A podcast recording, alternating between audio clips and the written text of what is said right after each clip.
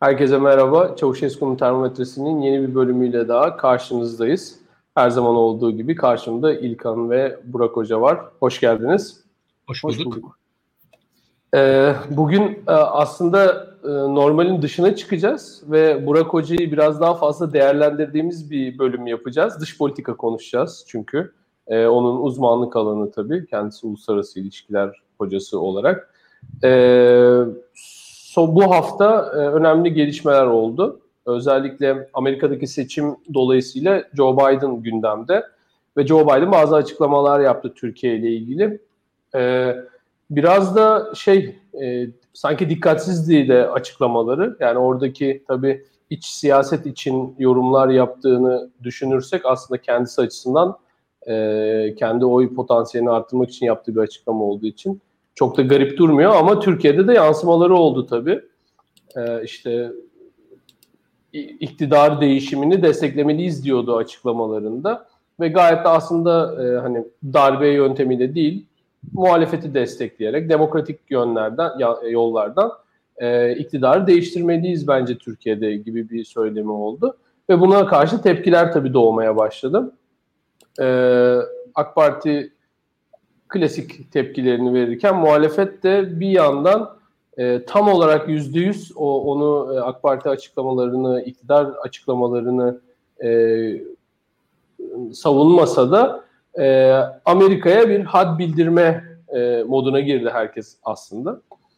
E, Amerika bizim tarihimiz açısından çok önemli bir ülke. Bizim üzerimizde çok etkisi olmuş bir ülke ilk demokrasiye geçişimizden işte Soğuk Savaş döneminde de her zaman bir e, etkisi olmuş. E, son dönemde ise daha Türk devleti ile Amerikan devleti arasındaki ilişkilerden ise e, Trump'la Tayyip Erdoğan'ın kişisel ilişkileri üzerinden biraz yürüyor gibi Amerika ile ilişkisi Türkiye'nin. E, ne diyorsunuz hocam Joe Biden'ın son açıklamalarıyla Türkiye'nin Amerika üzerindeki etkisi açısından? E, Türkiye'nin bundan sonraki dış politikası açısından ne gibi farklılıklar yaratacaktır? Nedir durum? Buyurun. Ee, öncelikli olarak e, yani Amerika Birleşik Devletleri'nin Türkiye'yi e, bütüncül bir aktör olarak artık algılamadığını söyleyebiliriz. Bu çok vahim bir durum bana sorarsanız. Ve bunun sebebi de hali hazırda kurulan ilişkilerin bütüncül bir aktörle kurulan bir ilişki olmaması ve kişiselleşmiş olması. Yani Joe Biden'ın e, açıklamaları aslında bir realitenin e, ortaya kon, konmasından başka bir şey değil. Çünkü Trump-Erdoğan ilişkilerinin alternatifi Biden ile muhalefet ilişkileri oluyor. Yani ortada e, unitary actor dediğimiz bütüncül bir aktör olmadığı için e, yani ortada bir devlet olgusu olmadığı için Amerika Birleşik Devletleri devletle resmi kanallar üzerinden ve kurumlar üzerinden kurulacak bir ilişki modelinin ortada kalmadığını düşünüyorlar. Yani bugün Trump'ın açıklamaları da bunu söylüyor. Yani Trump Erdoğan'la ilişki e, Sayın Cumhurbaşkanı ile ilişki kurmak istediğini söylüyor. Bu ilişkinin çok etkin olduğunu, Amerikan menfaatlerine hizmet ettiğini söylüyor. Hatta şunu ima ediyor. E, Tayyip Bey'in e, dış politikada izlediği yol birçok aktörü e, Türkiye ile konuşamaz hale getirdiği için Amerika bir brokerlık da yapıyor orada. Yani Türkiye'nin dış politika davranışları aslında Amerika Birleşik Devletleri'nin diğer aktörlerle konuşmasının da beraberinde e, getirildiği bir durum ortaya çıkartıyor ve bunun, bu Amerika Birleşik Devletleri'nin rolü açısından önemli açıkçası. E, böyle bir şey. Yani e, kurumlar arası ilişkilerden ziyade e, devletler arası ilişkilerden ziyade kişiler arası ilişkiler kültürünün başladığını görüyoruz. Yani Biden'ın açıklaması aslında başlı başına Biden'ın durduk yere yaptığı bir açıklama değil. Ee, en azından böyle bir niyeti olsa da bir Amerikan başkanının seçim başkan adayının seçim sürecinde, kampanya sürecinde veya öncesinde böyle bir beyanat vermesi açıkçası çok abuk. Ama e, gerçeklik öyle gelişti ki e, biz kurumsal ilişkileri terk ettiğimiz için e, Amerika Birleşik Devletleri'ndeki muhalif kanatta kurumsal bir ilişki kuramayacağını düşünüyor. E, ve kişiler arası yani aktörler arası daha devlet dışı aktörler arası ilişkilere e, odaklanacağını e, beyan ediyor. Şimdi o aynı zamanda tabii şunu da iddia eder, daha doğrusu şunu da ima eder. Eğer Biden seçilirse Recep Tayyip Erdoğan'ın hükümetiyle kurulacak ilişkiyi Türk hükümetiyle kurulacak ilişki kabul etmiyor. Etmeyecek. Yani bunu da ima eder. Hani biz her fırsatta devlet ayrı, hükümet ayrı söylemi üzerinden aslında e, hükümetin politikalarını e, Burak'cığım ezan okunmaya başladı. Evet. ben devam edeyim mi? Maalesef değil de bu şekilde okunması maalesef. E, ben devam edemeyeceğim. Siz devam edin. Ee, şimdi Peki. Burak ben buradan hızla devam edeyim. E, çünkü bu konuda söyleyecek çok sözüm var nedense. Benim tabii o kadar uzmanlık alanım değil ama ben de takip ediyorum. Bizim e, Yunus Emre Erdoğan'la beraber Hasan'ı bir, bir de takip eden bir ben vardım gibi geliyor o açıklamaları. Onun hakkında da yani o caps'leri de alıp atmıştım. Ya şimdi geriye dönüp bakıyorum. Ya şunu söyleyeyim mesela Türkiye açısından hani ulusalcı bir perspektifte bakıldığı zaman Biden'ın açıklamalarından daha korkulacak şeyler var Biden'a dair diye söyleyeyim. Bir defa henüz farkında değiller. Yani bu, bu Türkiye'deki şu an kamuoyu henüz farkında değil. İleride öğrenecektir diye tahmin ediyorum. Şu an yani özellikle Biden ekibini takip etsinler. Asıl sıkıntıyı orada yaşayacaklar. Yani Biden e, sonuçta 75 yaşın üzerinde bir siyasetçi, eski bir siyasetçi, Türkiye ile ilişkileri yani Türk Türk Amerikan ilişkilerini bilen bir siyasetçi. O yüzden bir noktaya kadar ilişkiler kötüleşir sırf iş Biden'a kalırsa ama Biden'ın ekibi e, Biden'dan daha sert. Yani Brett McGurk falan Biden'ın ekibinde yani şu anda mesela. Pek Türkiye bunu ne kadar biliyor bilmiyorum ama e, yani Biden'ın ekibi çok daha fena geliyor yani o açıdan. Bir defa onu söyleyeyim. E, Biden'ın açıklamasına gelirsem Biden'ın açıklaması e, geçtiğimiz Aralık ayı yapılmış. Ocak ayında sunuldu. Sunulduğu zaman izlediğim kadarıyla zaten e, Biden'ın adaylık süreciyle alakalı bir açıklamaydı. Yani Demokrat Parti içerisindeki adaylık sürecinde diğer adaylara göre e, Biden'ın e, kendisini öne çıkartmaya çalıştığı, kendisinin tecrübeli bir siyasetçi olarak dış politikadaki bilgisi birikimiyle öne çıkmaya çalıştığı bir anın sonucuydu. Buradan e, hemen konuya gelelim. E, Türkiye bu bağlamda şu açıdan önemli. Demokrat Parti'nin adaylık sürecinde önemliydi. E, Trump'ın e, Amerika'daki seçimi ve seçim e, seçim süreci demokratlar açısından tartışmalı bir süreç ve Rusya'nın etkili olduğu söyleniyor bu süreçte. Bu süreçte Rusya dışında tartışmalı olan ülkelerden biri de Trump-Türkiye ilişkisi aslında. Bu da ortaya konmuştu hatırlarsınız. E, yani General Flynn ve onun üzerinden davalar falan yürütülmüştü. Bu davaların etkisi var zaten. Bu da aslında yani o, o daha ziyade o sürece dair bir şeydi. Yani oradaki o e, Biden'ın tavrı zaten Türkiye'ye karşı nasıl tavır e, takınacaksınız Tayyip Erdoğan'a dair derken yani oradaki Putin'in e, bir e, minor olarak görüldüğü bir süreçti demokratlar açısından Tayyip Erdoğan'ın. Bir defa öyle söyleyelim.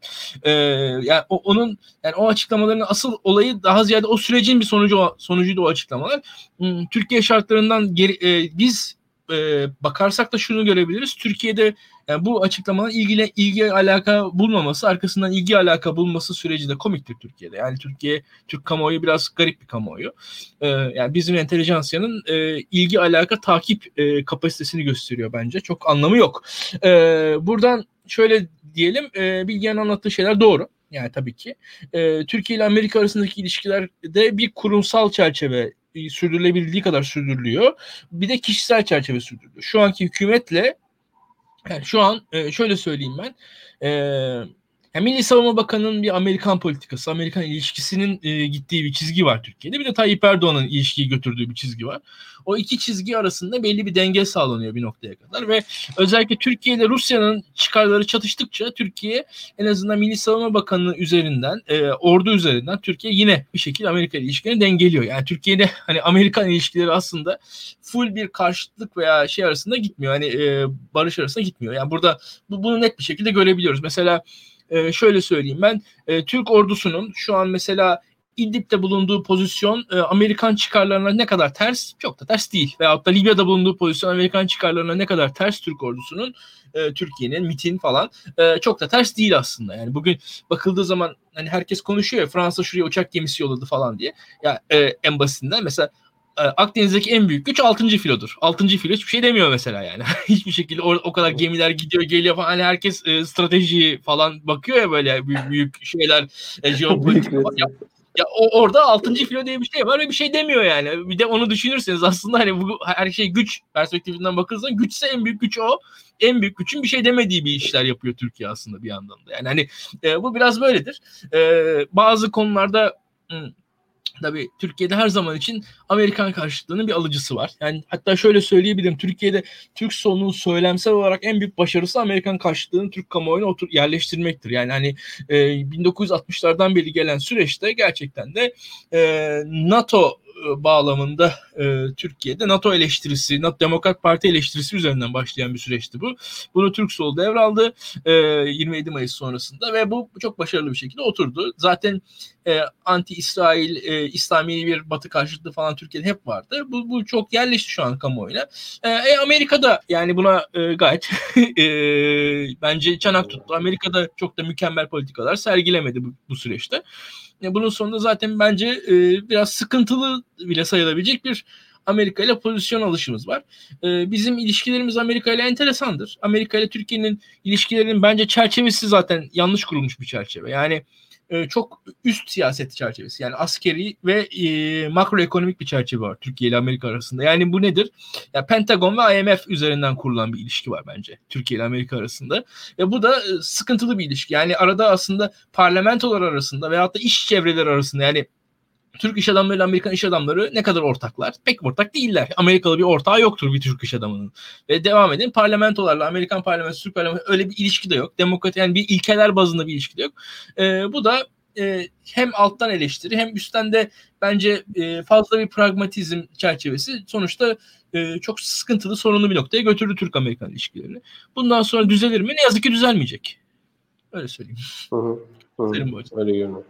Bilgen Hocam devam etmek ister misin? Evet katılıyorum. Kurumsal anlamda düzelmeyecek. Ee, ne zaman düzelir? Ee, iki demokratik ülkenin birbirleriyle olan ilişkisini e, devam ettirmek için kurumlar inşa edilene kadar. İşte biraz önce İlkan söyledi, iktisadi kanalları inşa edilene kadar. Ortak demokratik kültüre iki tarafta üye olana kadar e, güvenlik meselesinin ikili ilişkilerdeki kanallardan sadece birisi olana kadar. Ya öyle söyleyeyim. E, bu tabii yakın zamanda olabilecek bir şey değil. Yani çok ümitli olmamak lazım. Bu ilişkilerin çökme sebebi de bence e, asıl ilişkiyi düzenleyen kurumun çökmesi. Yani Milli Güvenlik Kurulu'nun yani Türk Türk Silahlı Kuvvetleri'nin e, siyaset üzerindeki belirleyici rolünü kaybetmesi. E, bu konuda çok fazla şey yazılıp çiziliyor. Türk-Amerikan ilişkileri aslında tarihi çok geriye gidebilir. Cumhuriyetin kuruluşuna kadar gidebilir. E, bu ilişkilerde bazı kurumlar çok önemli rol, rol oynadı. Mesela Robert Kolej çok önemlidir bu ilişkilerde. Açıkça söylemek gerekirse. Robert Kolej'in verdiği mühendislik eğitimi e, 1910'lu e, yıllarda mesela çok işine yaradı Türk ordusunun. Türk silahlı e, Türk askeri Robert Kolej'in atölyelerinde üretilen çeşitli malları Birinci Dünya Savaşı sırasında talep etti hatta. Öyle söyleyeyim. E, yine e, o mühendislik eğitimi Cumhuriyet'in ilk yıllarında çok önemli e, bir kalkınma hamlesi vardı. Orada çok e, hayati bir rol oynadı. Türkiye'de tıp sektörü Amerika Birleşik Devletleri'nin katkılarıyla gelişmiştir. Yakın zamanda Ali Eken'e ait çok önemli bir kitap yayınlanacak. Vakıfbank yayınlarında. E, ben bu kitabın naçizane son okumasını yapıyorum e, ilgilenen arkadaşlar mutlaka takip etsinler ve alıp okusunlar. Orada bütün detayları görebilecekler. Ancak şunu söylemek gerekiyor ki mesela tıp meselesi çok önemli görülüyor insani kalkınma açısından ve cumhuriyetçi demokratik değerlerin yerleşmesi açısından, medeni değerlerin yerleşmesi açısından. Zira insanların böyle e, anlamlandıramadığı bir dünya içerisinde yaşadıkları kanısı, doğaya asla hakim olamayacakları düşüncesi. Bundan dolayı da e, daha geleneksel tıbbi yöntemlere meyletmesi onların diğer dünyevi hadiseleri de aynı şekilde algılamalarını beraberinde getiriyor. Amerikalılar bunun farkında. O yüzden gelişmekte olan ülkelerde ilk olarak gözlerine kestirdikleri sektör tıp sektörü. Yani iyi doktorlar yetiştireceksiniz ki doktorlar bu hayatta doğaya hükmedebileceğinizi, dolayısıyla mucizelerin ilahi bir kaynaktan beklenmemesi gerektiğini, yine insanlardan geleceğine inansınlar. O yüzden mesela 20'li 30'lu yıllarda birçok e, doktor ve hemşire Amerika Birleşik Devletleri'ne gitti ve bizim 1930'lu yılların ortasında 1500 adet doktorumuz vardı. Bunların büyük çoğunluğu Amerika Birleşik Devletleri'nin ya Türkiye'de geliştirdiği programlar ya da Amerika'da başlattığı burs programlarıyla e, ortaya çıktı. E, baktığınız zaman zaten tıp camiasının böyle seküler, böyle çok pro-western, batı yanlısı bir havası vardır. Aslında kökleri var onun. E, dolayısıyla buradaki toplumu geliştirmenin ilk yolu olarak mühendislik ve tıp eğitimini seçiyorlar. Yine 1950'lerde 60'larda bir idareci sorunu olduğunu fark ediyor Türkiye'nin. Yani işletmeler aile işletmeleri. Bunların profesyonel e, uzmanlar tarafından yönetilmesi gerekiyor. Amerika Birleşik Devletleri orada da devreye giriyor. Türkiye'de İstanbul Üniversitesi'nin işletme idaresi enstitüsü yanılmıyorsam Amerika Birleşik Devletleri tarafından e, destekleniyor, kuruluyor. Yani Türk iş adamlarının olduğu ve akademisyenlerin olduğu bir e, komite var fakat parasal desteği Amerika Birleşik Devletleri'nden alıyorlar. Burada vakıflar çok önemli. Yani Ford Vakfı ve Rockefeller Vakfı burada çok hayati rol oynuyor. Ankara Fen Lisesi'nin kuruluşu mesela Ford Vakfı'nın sayesinde. E, yine Ford Vakfı olmasaydı ODTÜ e, çok batık bir proje olarak devam edebilirdi. 56'da Birleşmiş Milletler tarafından kuruldu ama Ford Vakfı daha sonra bunların e, laboratuvarlarını, atölyelerini destekledi. E, yine birçok bizim bugün halen daha hayatımızda olan önemli siyaset bilimci Amerikan burslarıyla yurt dışına gitti ve sosyal siyasal tahliller yapmaya başladılar. Mesela bunlar arasında kimi gösterebiliriz? Ergun Özbulun'u gösterebiliriz. Deniz Baykal'ı gösterebiliriz. Aydın Yalçın'ı gösterebiliriz. Yani bu insanlar Amerika'ya gidip e, sosyal bilim nasıl yapılır bunu öğrendiler biraz. E, dolayısıyla hem entelektüel hayatımızda hem işte bizim iktisadi kalkınmamızda Amerikalıların önemli rolü olduğunu düşünüyorum. E, Türk Türkiye'nin sıhhiyesini kuran ve önemli ölçüde destek veren e, Amerikan vakıfları vardır. Türkiye'de e, işte akademik eğitime destek veren önemli Amerikan kurumları vardır. Bunları bir tarafa bırakmamak lazım. Yani Amerika Birleşik Devletleri Türkiye'ye çok önemli yatırımlar yapmıştır. Bununla beraber e, tabii Soğuk Savaş bağlamında iki gelişme ön plana çıkıyor. Bu e, arkadaşımız sevgili Mehtap Söyler'in tezi. E, onun Deep State ile ilgili bir kitabı var. Çok önemli bir kitaptır. İngilizcesi olan arkadaşlar mutlaka Routledge'dan çıktı. Bunu alıp okusunlar. Democratization'da da makalesi yayınlandı. E, Mehtap diyor ki e, Türkiye'nin Batı bloku içerisinde yer alması için demokratik değerlere sahip olması gerekiyordu. Güzel. Fakat demokratik değerlere sahip yarı köylü, yarı endüstriyel, henüz daha gelişimini tamamlayamamış bir ülkenin de risk içeren faktörleri var bu ittifaka bağımlılığı açısından. Ee, yani seçimlerin olduğu bir yerde ittifakı dağıtmak her zaman bir seçenek olarak ortada duruyor. Dolayısıyla güvenlik sektörü, güvenlik aygıtı devletin dışında otonom bir şekilde örgütleniyor. Nedir bu güvenlik aygıtı? İşte bizim bugün Türk Silahlı Kuvvetleri ya da işte Milli İstihbarat dediğimiz ya da güvenlik birimleri içerisindeki e, bazı daireler açıkçası herhangi bir durumda güvenlik endişesinin ortaya çıktığı durumda Türkiye Cumhuriyeti'nin işte Batı ittifakına olan e, ne derler commitment yani e, onun taahhüdünü e, yerine getirmek için orada duruyor. Zaten 1960 darbesinde biliyorsun darbe bildirisinin maddelerinden bir tanesi de işte ilk yaptıkları şey Türkiye'nin e, uluslararası örgütlere olan bağlılığını yinelemek oluyor. Yani şöyle bir durum var. Ortada oynanan bir demokrasi oyunu var fakat bu demokrasi oyunu oynanırken e, herhangi bir sapma durumunda, herhangi bir aşırılık durumunda ordunun da e, Türkiye'nin Batı ittifakına e, taahhütlerine uymasını sağlamak için müdahale edeceği bir özel alan yaratılıyor. 1961 ile beraber mesela Milli Güvenlik Kurulu artık iyice özel bir yapı olarak ortaya çıkıyor. Ee, mesela 1971'de bu Nihat Erim'in e, bildiri sonrası başbakanın, muhtıra sonrası başbakanın e, Middle Eastern Studies'e yazdığı makaleyi bulmuş okumuştum ben. Çok enteresan. Amerikan değerlerine bağlı olduklarını ve aşırı sağcı milliyetçilerle aşırı solcu işte komünistlerin üniversiteleri talan ettiğini, aslında gerçek demokrasi ideallerinin bu aşırılıklardan kurtulmakla mümkün olacağını falan söylüyor. Yani askerin rolü e, Amerika Birleşik Devletleri tarafından ve o dönem aslında bu de, demokratikleşen ülkeler için ortaya konan bu klasik modernleşme teorisi çerçevesinde son derece hani makul bulunuyor ve gözlerini gö- gö- kapattıkları zaman rahat uyumalarına sebep oluyor. Şunu söyleyebiliriz. İslamcı bir aşırılıktan Türkiye'yi koruyor. Milliyetçi bir aşırılıktan Türkiye'yi koruyor. Sol sosyalist bir aşırılıktan Türkiye'yi koruyor. Ve bir şekilde askerle bazı noktalarda çok iyi çalışıyorlar. Mesela işte e, e, fen lisesi açacakları zaman e, asker son derece müsamahakar davranıyor ve hemen o kağıtları imzalıyor. Bilime, teknolojiye, sanayiye falan yatırım yapılacağı zaman asker bu konularda çekince koymuyor. E, yani herkes okulunu okusun, siyasetle uğraşmasın, bir an evvel gelişelim gibi bir e, mod var askerde. Ve bu Amerikalıların asker aynı zamanda NATO ittifakının içerisinde hayati bir rol oynadığı için çok hoşuna giden bir şey. E, tabii bizim askeri elit de bence bundan hoşlanıyor. E, ben Behlül Özkan'ın tezlerine orada biraz itiraz getirmek istiyorum. Çünkü Behlül Özkan askeri e, Amerika Birleşik Devletleri'ni ve Türkiye'deki İslamcılara aynı düzlemde e, konumlandıran bir tez içerisinde. Bunun doğru tarafları var. E, Birçok vakada hani bu teori çalışıyor. E, ancak şunu söylemek istiyorum ki asker aslında e, Hani e, ve İslamcılar da aynı şekilde Türkiye'de politik sahnenin birer aktörü. Yani bunu da söylemek gerekiyor.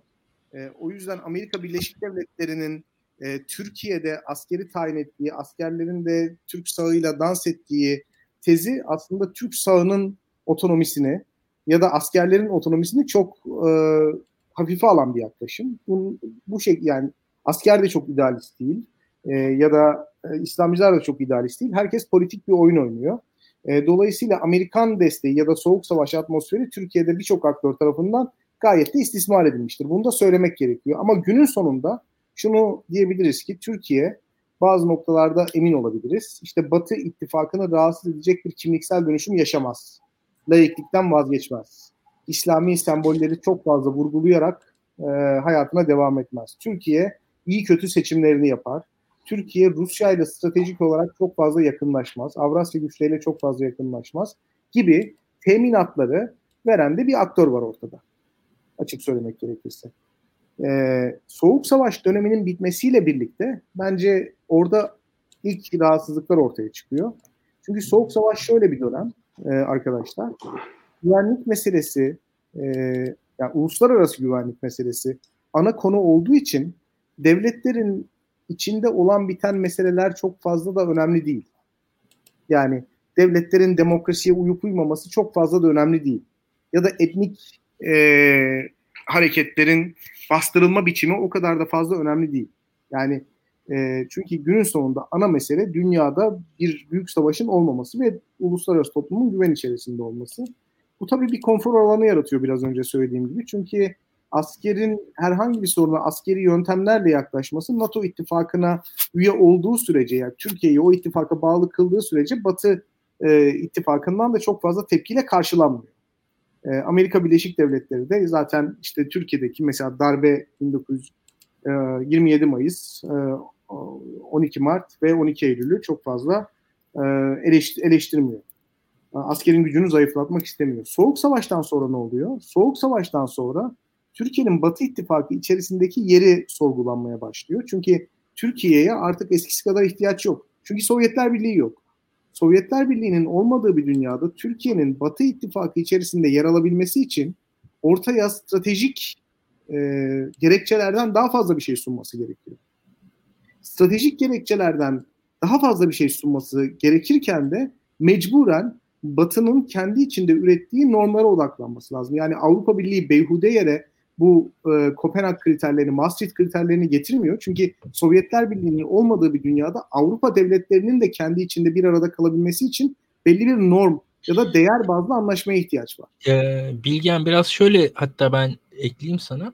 90'lar ve 2000 yani 90-2010 arası süreçte Türkiye'nin Avrupa Birliği ile olan ilişkilerini Amerika neredeyse koşulsuz destekliyordu ve birazcık da orada iyi polis kötü polis yani kötü polis Avrupa Birliği'ni oynatarak kendisi iyi polis aslında Avrupa Birliği'nin istediği şeyleri Amerika da istiyordu ama Avrupa Birliği istiyor bunu diyerek bir yandan da hani kötü şeyi ona yıkarak öyle politika güttü, güttü gibi geliyor bana gelir bana her zaman. Yani hani 90-2010 arası Hani Amerika hep Türkiye Avrupa Birliği'ne girsin. Yani Bill Clinton açıklamaları vardı hatırlarsın o zamanlar işte Türkiye'nin Avrupa Birliği sürecini destekliyor. Hatta ya Bill Clinton böyle Almanya'yı Fransa'yı arayıp ikna etmişti bazı süreçlerde böyle o zamanlarda. O öyle tabii, o kadar tabii. E, ra- rastgele bir şey değildi. Yani o böyle e, Türkiye'yi çok sevdiğinden falan değil aslında. Amerikan istediği şeyler Avrupa Birliği e, bağlamıyla yapılıyordu bir yandan. Tabii tabii. Orada mesela yani benim görebildiğim kadarıyla e, hani e, Türk ordusunun, Türk Silahlı Kuvvetleri'nin artık rolü sorgulanmaya başlıyor. Çünkü değişen dünyada Türkiye'nin batılı ve demokratik değerlere adapte olması gerekiyor. Fakat Türk Silahlı Kuvvetleri'nin varlığı Türkiye'nin bu değerlere adapte olmasını engelleyen bir e, durum olarak öne çıkartılıyordu. İşte bu e, bizim post Kemalistler dediğimiz yani e, Kemalizmi yeni bir okumaya tabi tutan e, Mete Tunçaylar, işte Ümit Cizre hocalar, e, hatta Bilkent'te bizim o ilk gittiğimiz yıllarda ilk makalelerini çıkartan işte Pınar Bilgin, e, liberal düşünce topluluğu çevresi, onların argümanları küreselleşmeye adapte olabilmek için e, Türkiye Cumhuriyeti'nin e, bir rejim dönüşümüne ihtiyacı olduğu, rejim dönüşümüne ihtiyacı olurken de sadece devletin değil, devlet dışı aktörlerin de serbestçe diğer aktörlerle ilişki kurma özgürlüğüne, hürriyetine sahip olması gerektiği. Dolayısıyla ordunun tepki verdiği şey onlara göre e, aslında e, kendisi dışındaki aktörlerin sahneye girip küreselleşme sürecinde kendisini bypass etmesi idi. Halbuki Soğuk Savaş bittikten sonra küreselleşme ve demokratikleşme e, işte hepimizin bildiği hikayeler e, dünyada çok popülerdi ve Türkiye'yi böyle bir değişime zorluyordu.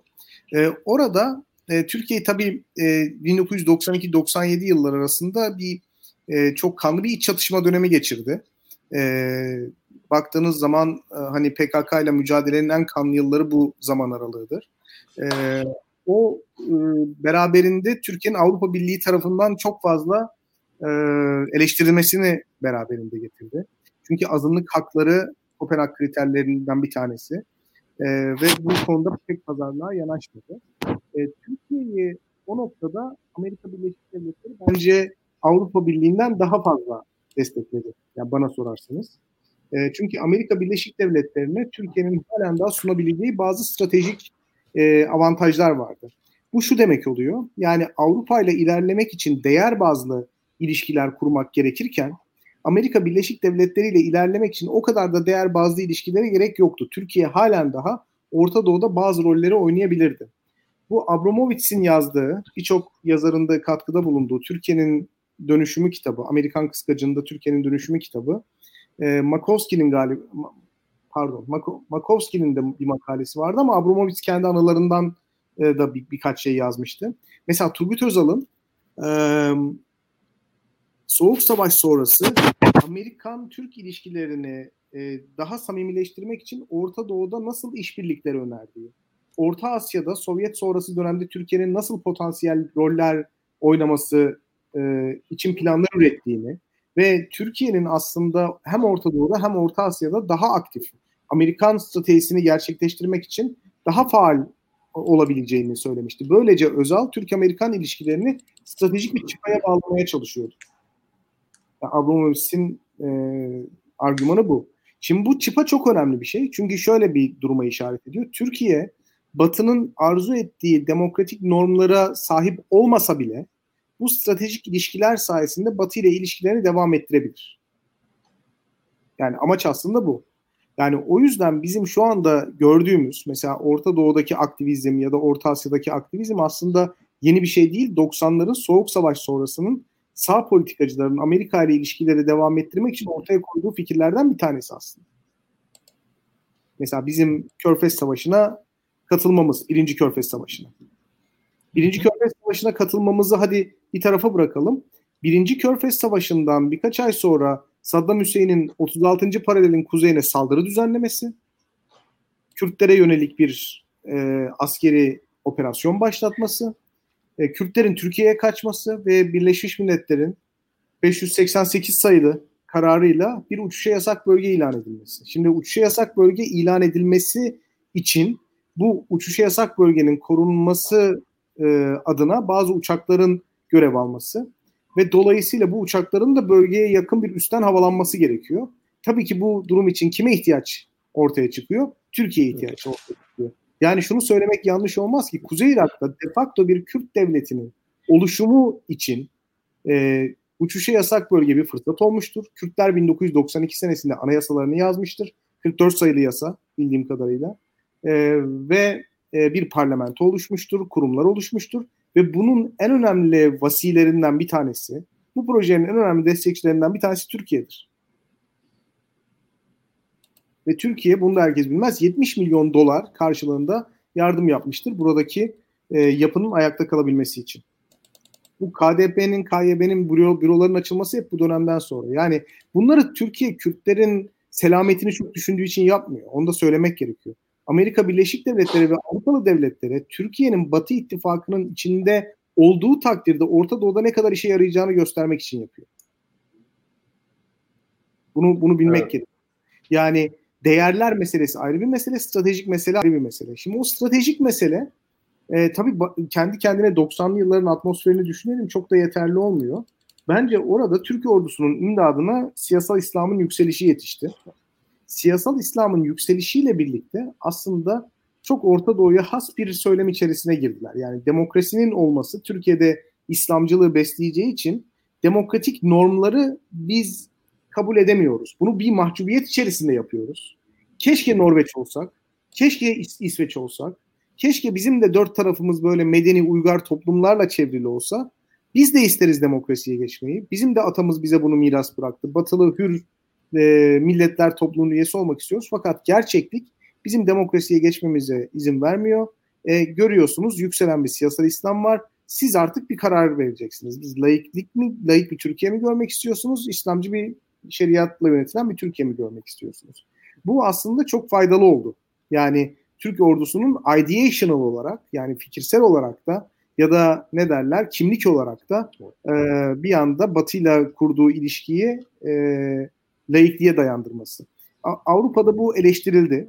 Onu söylemek gerekiyor. Çünkü Avrupa e, güvenlikçi laiklik, sekü, securitarian secularism or libertarian secularism gibi bir ayrıma gidiyorlar onlar. Öyle çok tartışmaları var ama Amerika Birleşik Devletleri'nden bakıldığı zaman görünen yeni bir İran istiyor muyuz, istemiyor muyuz gibi çok basit bir söylem oldu.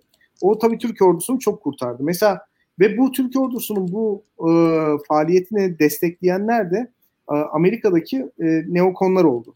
Çünkü e, hatırlayın e, Necmettin Erbakan İran'la anlaşma yapmaya gittiği gün e, İlkan hatırlar Çevik bir İsrail'le e, hava e, hava sahası anlaşması yapıyordu. Karşılıklı istihbarat anlaşması yapıyordu. Bu Konya'daki şeyler mi? E, işte Erbakan hükümete geldiği zaman 96 Evet, senesi. evet, evet. Ya, e, bu şey bu, e, Konya'da İsrailli Evet, pilot. evet. Konya'daki uçuş meselesi. Training. Hı hı. Ee, yani dünya üzerinde İran ve İsrail'le aynı anda anlaşma imzalayan e, devlette olabiliriz yani. Hani öyle, öyle. E, dolayısıyla şimdi e, yani e, e, tabii Erbakan çok yanlış kart oynadı. Yani bu şuna benziyor. Arafat'ın birinci Körfez Savaşı'nda Saddam'ı desteklemesi gibi. Ya Hacı Emin El Hüseyin'in Hitler'i desteklemesi gibi. Erbakan'ın İran'ı desteklemesi de aynı sonucu verdi. Tabii ki bölgede İsrail ile Ürdün'le e, işbirliği yapan, e, Amerika Birleşik Devletleri'nin stratejik çıkarlarına katkıda bulunan bir e, bir, bir Türkiye da, e, bir Türkiye ve bu tür Türkiye'yi arzu edenin de Türk Silahlı Kuvvetleri olması Amerika Birleşik Devletleri'nin tavrını çok net bir şekilde ortaya koydu. Yani 28 Şubat meselesi açıkçası Türkiye ordusuyla Amerika Birleşik Devletleri ilişkisini bence pekiştirdi. Hatta 1995 ya da 96 senesinden itibaren e, neokonların e, etkisi altında olan Bernard Lewis'in birçok öğrencisinin e, think tankçi olarak görev yaptığı Washington Institute Türk Silahlı Kuvvetleri ile ortak bir değişim programı imzaladı ve Türk Silahlı Kuvvetleri'nden bir subay e, burs verilerek Washington Institute'te e, konuk edildi. Yakın zamana kadar da bu sürdü. Çok e, enteresan. Evet. Ya şimdi e, Bilgehan öyle ilginç şeyler anlatıyorsun ki muhtemelen e, daha da anlatacaksın. Hatta birazcık daha fazlasını bana bir aralarda anlattın. Ben onları da şimdi sen anlattıkça hatırlıyorum. Kuzey Irak maceralarını falan hatırlıyorum Tabii, şu anda daha daha aslında e, şimdi şöyle bir şey bizim e, Burak Bilgehan'ın e, Kuzey Irak'ta fiili şahsi tecrübesi de var. Yani böyle var. e, Evet. hem akademik olarak hem şahsi olarak biliyor. Yani böyle bir şey dedi yani sahadan o denir ya tırnak içinden. Yani sahayı biliyor. hani orada e, öylesine bir uzman. Şimdi Amerika ile Türkiye arasındaki ilişkiler de e, 90'ları okuduğumuz zaman e, ya bir şeyleri anlayabiliyorum. Bir, bir noktaya kadar geliyorum. Orada sınırlı kalabiliyor. Yani Amerikalılar da bir yerden sonra kendi e, yaptıklarından e, ne kadar acaba geçmişe dönüp baktıkları zaman e, mutlular emin değilim. Öyle söyleyeyim ama İran bağlamı önemli. Yani 28 Şubat'ı bugün okurken hakikaten e, 28 Şubat'ta alaşağı edilen İslamcılar bugünkü İslamcılar değil. Yani o, o, o, o önemli. Yani e, çünkü 28 mesela Kudüs gecesinde orada İran Büyükelçisi vardı. Sonra zaten Dışişleri Bakanı oldu o adam. Yani hani e, o İran Büyükelçisi'nin olduğu e, hani o tankların yürüdüğü gün günden bir gün önce İran Büyükelçisi'nin olduğu bir toplantı vardı. Yani o, o tarz şeyler tesadüf de değil. Yani bu tarz işler pek öyle tesadüfle olmuyor. Ee, bugün aslında İran Büyükelçisi bir yere gelse muhtemelen Türkiye'deki yani İslamcılar orayı yıkarlar yani. Hani o, o tanklara gerek kalmaz. Bugün e, öyle bir Türkiye dönüşümü yaşadı. E, bu, burada e, Türkiye'nin aslında o, o, o anlattığın Kürt meselesi bugüne kadar geldi ve e, o Irak'ta yaşanan şeylerin e, belki benzeri ama alt üst olmuş haliyle farklı bir versiyonu şu an Suriye'de yaşanıyor.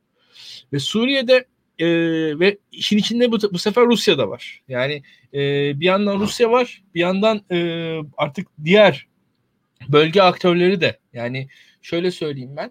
E, yani mesela Birleşik Arap Emirlikleri, Katar, e, hatta yani Suudi Arabistan falan e, 1990'larda öyle bölgenin önemli aktörü olarak adlandırılabilecek ülkeler değillerdi. Yani bugün bi, biz e, şeyi konuşurken tabii ki Suudi Arabistan bir maddi olarak bir güçtü doğru her zaman işte ama kendisi oralar, oralarda değildi. Yani mesela Pakistan senin anlattığın şeyler yani yani Pakistan istihbaratına maddi güç sağlardı veyahut da işte orada klasik işler hani bir şekilde e, proxy kullanabilirdik. Artık kendisinin var olduğu e, bir çatışma içerisinde. Bugün aynı şey Arap Emirlikleri için de geçerli, Katar için de geçerli. E, bugün daha karışık bir denklem. Türkiye olarak biz burada ya bugünü bir de biraz daha anlatsan e, birazcık daha açsan ben çünkü senin anlattıklarından çok faydalandım. Biraz devamını da getir bence. Tabii biraz devamını da getireyim. Şimdi e, yani bu Refah Partisi içerisindeki yenilikçiler bu dünyayı gördüler. Yani hani e, Türk Silahlı Kuvvetleri, arkasında Amerika Birleşik Devletleri, işte Orta Doğu'daki stratejik dengeler, e, İran-Amerikan gerilimi. Yani eski tarz söylemle e, hani bu orduyu yerinden edemeyeceklerini çok net anladılar. O gerçeklikle barıştılar bence. Ve o yenilikçi kanadın Adalet ve Kalkınma Partisi'ni kurarken hani geçirdiği dönüşüm aslında kimliksel bir dönüşümden öte uluslararası stratejiyi de içine alan bir gerçekliğin kabulüydü. Hatta ben şöyle ilerleteyim. Mesela e, iç siyasette e, fiili bir seçim yenilgisi 99 seçimlerinde Fazilet Partisi'nin %15 civarı oy alması fiili seçim hı hı. yenilgisi yani e, beklenen %25-30 civarı bir oy yerine %15 gibi bir oy hatta yerel seçimde aldıkları %25 civarı oyun genel seçimde %15'e iniyor olmalı. Hani aradaki o fark o gap e, ve bunun uluslar büyük siyasette de hani uluslararası siyasette de bu anlattığın şey aslında yani e, bir yandan o İran e, bagajını biz niye taşıyoruz? Bir, yani bir yandan biz niye bu çatışmanın içerisindeyiz? Biz Avrupa Birliği e, vesaire bunları bir e, ka, kendimiz için kaldıraç olarak kullanabilir miyiz bu süreçleri diye. Tabii. E, bu ee, yani orduyla Batı arasındaki iç çelişkiyi okudular doğruya doğru. E, ya onu da onu okudular. Evet ve e, hani şunu da söylemek gerekiyor. Orada dramatik bir olay yaşandı. E, yani hepimizin hayatını çok e, derinden etkileyen 11 Eylül saldırısı yaşandı ve 11 Eylül saldırısı bizim düşünce biçimimizi e, ve düşünme metodumuzu değiştirdi. Yeni kavramlar ekledi. Mesela medeniyet kavramını biz e, artık daha çok tartışmaya başladık. Çünkü şöyle bir durum ortaya çıktı. Geleneksel uluslararası anlayışında Amerika Birleşik Devletleri'nin yani Soğuk Savaşı galibiyetle tamamlamış bir devletin kendi sınırları içerisinde, kendi toprak parçası içerisinde saldırıya uğraması çok mümkün gözükmüyor. Mümkün de olabilirdi fakat bunu yapanın başka bir devlet olması beklenir. Yani geleneksel uluslararası ilişkiler tehdidin kaynağını devletler olarak görür. Tehdidin e, e, öznesini devlet devletler olarak görür. Tehdidin nesnesini devletler olarak görür. Dolayısıyla tehdit devletler arası oynanan bir oyundur. Dolayısıyla güvenlik devletler arası oynanan bir oyun. Şimdi 11 Eylül ile beraber biz bir şeyi gördük ki aslında devlet dışı bir aktör ve bu sebepten dolayı bizim güç kapasitesini ölçemeyeceğimiz bir aktör dünyanın materyal güce sahip en büyük devletini kendi toprakları içerisinde, kendi kara sınırları içerisinde vurmayı başardı. Yani Amerika Birleşik Devletleri vatandaşlarını güvende tutma işlevini Amerika Birleşik Devletleri beceremedi. Bu çok paradigma değiştiren bir meseleydi. Niçin paradigma değiştiren bir meseleydi? Öncelikli olarak bu liberal uluslararası ilişkiler meselesinin sorgulanmasına sebep oldu. Yani biz hep 90'lı yıllar boyunca küreselleşmeden bahsettik. E, Friends dizisi çok fazla izleniyordu. Amerikalılar gayet mutluydu. Kolej filmleri sinemalarda oynuyordu. Hepimiz hevesleniyorduk. Hepimizin amacı Amerika Birleşik Devletleri'ne gitmekti. İşte hepimiz küçük Amerika olacaktık. İşte Amerika'ya benzeyen küçük küçük topluluklar olacaktık. Küreselleşme refah yaratıyordu. Küreselleşme barış yaratıyordu. Mesela Yugoslav İç Savaşı'nı yine Amerika Birleşik Devletleri önderliğinde bir koalisyon çözdü. E, dolayısıyla küreselleşmeye yönelik bir inanç çok yüksekti. Fakat 11 Eylül'den sonra şu görüldü ki küreselleşme de aslında kendi kötü çocuklarını doğuruyor. Yani siz uçağa atlayıp e, Seul'e gidip iş anlaşması da yapabilirsiniz. Bu harika bir şey. E, ulaşım teknolojisinin gelişmesini gösteriyor ama aynı uçak, aynı bilişim teknolojisi Afganistan'dan kalkan bir uçağın gidip ikiz kuleleri vurmasını da beraberinde getirebiliyor. Yani bu aslında çok paradigma değiştiren bir şeydi ve insanlar bir konu hakkında düşünmeye başladılar. Acaba dediler yani bu dünyadaki bazı insanların kimliksel rahatsızlıkları kendisini şiddet olarak dışarı vuruyorsa bu konu nasıl çözümlenebilir? Şimdi bu Uluslararası Güvenlik Dergisi International Security'de falan birçok makale çıktı. Yani bu tabii realistler bu saldırıları devletlere bağlama eğilimindeler. Hani devletin yani El-Kaide diye bir şey yok ama bunlar bir devlet tarafından finanse ediliyor. Ama Rosenau gibi adamlar da bunların küreselleşmenin getirdiği e, beklenmedik, tahmin edilemeyen riskler olduğunu söylediler. Ama medeniyet meselesi son derece fazla tartışıldı. Çünkü e, Müslümanların niçin bu kadar radikalleştiği sorusu birçok çevrede hani sorulmaya başladı ve ona karşı verilen e, hani e, daha sonraki yıllarda Amerikan politikasını domine eden cevap ise e, radikalleşme ile Orta Doğu'nun otoriterleşmesi arasında kurulan bağ oldu. Yani bu Bernard Lewis'in öğrencileri dediğim neokonların aslında cevabı orada çok net. Niye radikalleşiyor bu adamlar? Çünkü memnuniyetsizliklerini ifade edecekleri demokratik bir ortam yok. Demokratik bir ortam olsa siyasi partiler olur. Demokratik bir ortam olsa dernekler olur, vakıflar olur. Bunlara gider burada meşru bir şekilde siyaset yaparlar. Meşru bir şekilde itirazlarını dile getirirler. Peki bunların kapatıldığı sistemlerde bu adamlar nereye gidip toplaşabiliyor? Camilere gidiyor. Kur'an kurslarına gidiyor ve camilerin altındaki çay ocaklarında sosyalleşiyorlar. Bu da bu adamların radikalleşmesine sebep oluyor. Radikalleşen adam ne yapıyor? Radikalleşen adam da işte El-Kaide gibi örgütlerin e, ne derler e, avladığı e, işte düzensiz kişiler haline geliyorlar. E, kolayca avlanabilen kişiler haline geliyorlar. O yüzden ne yapılmalı? O yüzden bir güvenlik stratejisi olarak Orta Doğu'nun demokratikleştirilmesi meselesi ön plana çıktı arkadaşlar. Bence Adalet ve Kalkınma Partisi'nin çok avantajını kazandığı, Türk ordusunun da çok fazla kaybettiği, yani bu mücadelede mesele bu oldu. Demokratikleşme meselesi e, Amerika Birleşik Devletleri'nin ve uluslararası toplumun güvenliği için çok elzem görüldüğü için ve Müslümanlar radikalleşme konusunda potansiyel aday olarak gözüktüğü için Müslümanları sisteme adapte edebilecek, Müslümanları ılımlılaştıracak, Müslümanları bir şekilde radikalleşmekten alıkoyacak söylemler, partiler, oluşumlar son derece güç kazandı. Adalet ve Kalkınma Partisi'nin e, yenilikçiler vasıtasıyla bir gömlek değiştirmesi ve 11 Eylül sonrası dünyayı çok iyi okuyabilmesi aslında bunun sonucu.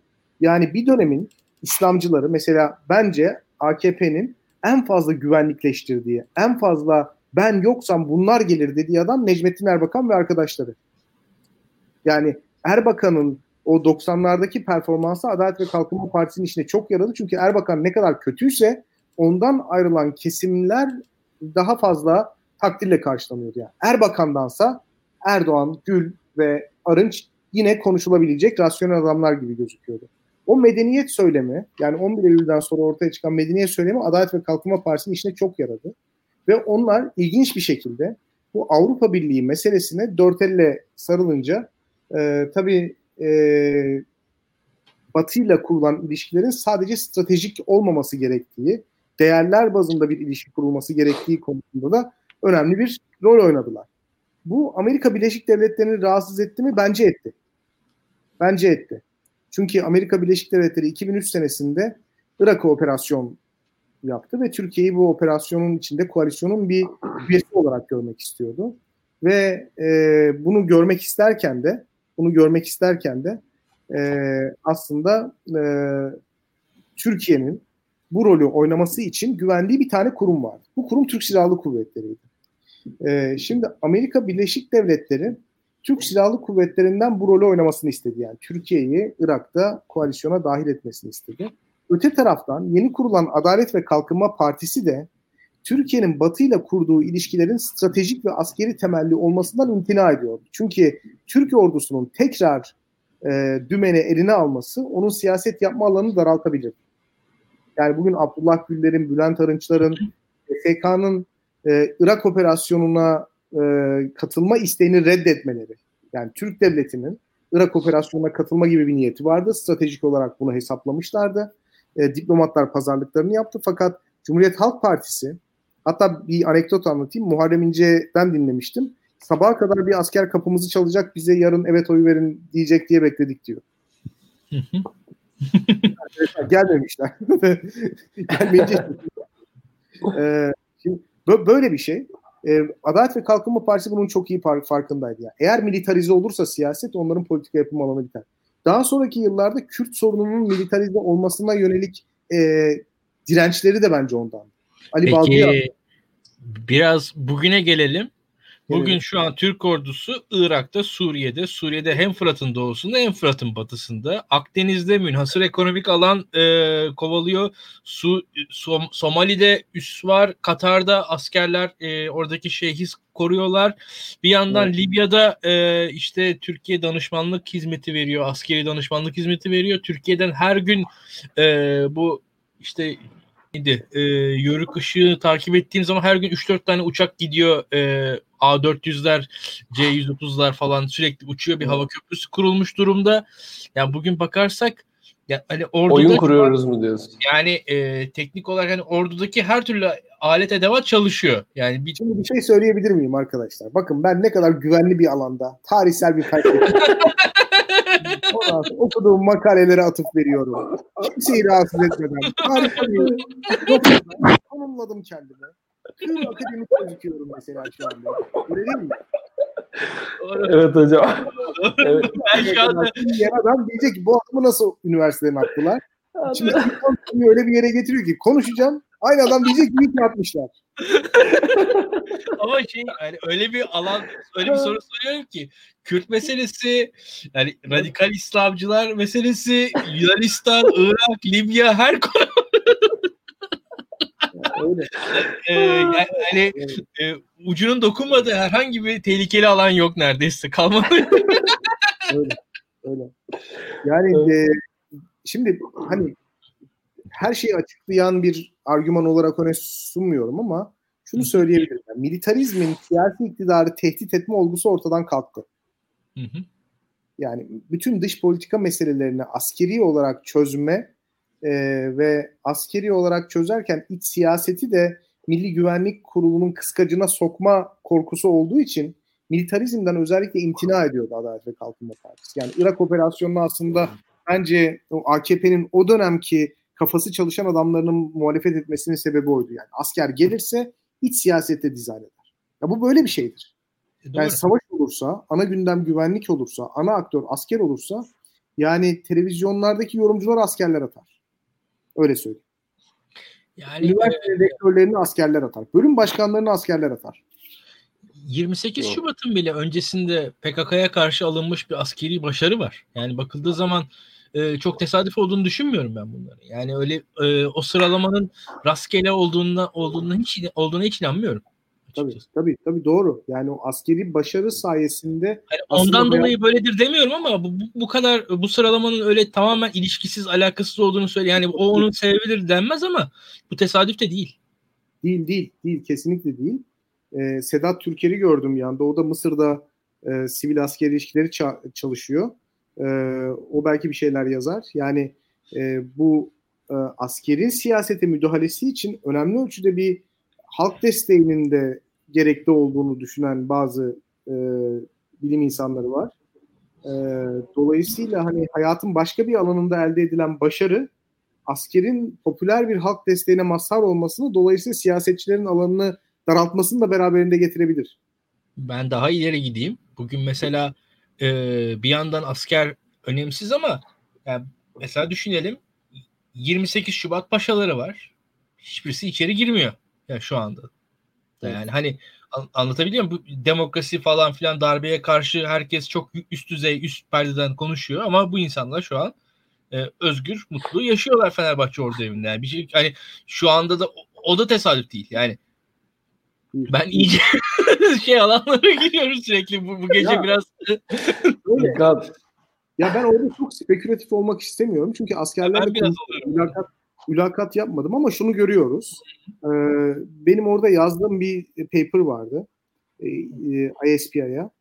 E, pseudo, pseudo democratization of Turkey gibi bir şeydi. E, yani sözüm ona. Evet. Mesela Avrupa Birliği reformları yapıyorsunuz. Ordunun sivil denetimi üzerine. Şimdi o reform sürecini izlemiştim ben. Şimdi başta çok kararlı.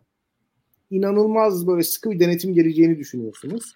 Daha sonra bakıyorsunuz ki yasa bir yerinden tahrif edilmiş, bir yerinden değiştirilmiş. Yani bütün as asker otonom bir statüsünü, otonom statüsünü koruyor. Fakat o otonominin devam etmesi için meclis yerine Adalet ve Kalkınma Partisi ile pazarlık yapma zorunda kalmış. Hmm. Bu çok okay. eski bir paper'dı. Şimdi keşke açıp okusaydım bu e, programdan önce. E, çok yani aslında hatırlayabildiğim kısmı şu Burak'cığım. E, yani ideal olan düzenlemeden başlıyor hükümet. İdeal olan düzün, düzenleme şu. Askeri uzmanların gelip meclisteki komisyona açık ve şeffaf bir şekilde bilgi vermesi ve meclisin bu harcamaları denetlemesi. Bu şekilde başlayan süreç e, ordu ile hükümetin pazarlık içerisinde e, ilerlediği bir noktaya evriliyor. Yani bunu bir leverage olarak tutuyor elinde hükümet. Yani orduyu tamamıyla demokratik kontrolü açmaktansa orduyu hükümetle beraber çalışmaya iten, orduyu hükümete mahkum kılan e, ya da ordunun iplerini eline alan ama meclisin değil, hükümetin eline alan bir yol izliyor. Yürütmenin eline alan yani. Yürütmenin eline alan bir yol izliyor. Yani hep böyle ilerliyor. Günün sonunda ordu otonomisini koruyor. Demokratik kontrol var mı? Pek yok. Yani ordunun bir otonomisi var. Ve hatta şöyle bir şey vardı. Bunlar harcamalarını göndermek zorundalar aslında meclise. 3 sene falan üst üste 2011-2012'den sonra söylüyorum göndermiyorlar. Yani şu anda mesela savunma harcamaları meclise geliyor mu? Bilmiyorum. Çünkü yanlış hatırlamıyorsam yani o paper'ı ben buradan arkadaşlarla paylaşabiliriz aslında. Benim Google Scholar sayfamda da var. Ee, yani yanlış hatırlamıyorsam ancak hükümet izin verdiği takdirde meclise gönderir gibi bir madde ekliyorlar. Dolayısıyla hükümetle ordu arasındaki ilişkinin doğasını değiştirdikleri bir durum söz konusu. Şu anda da İlkan'ın sorduğu soru şöyle bir şey.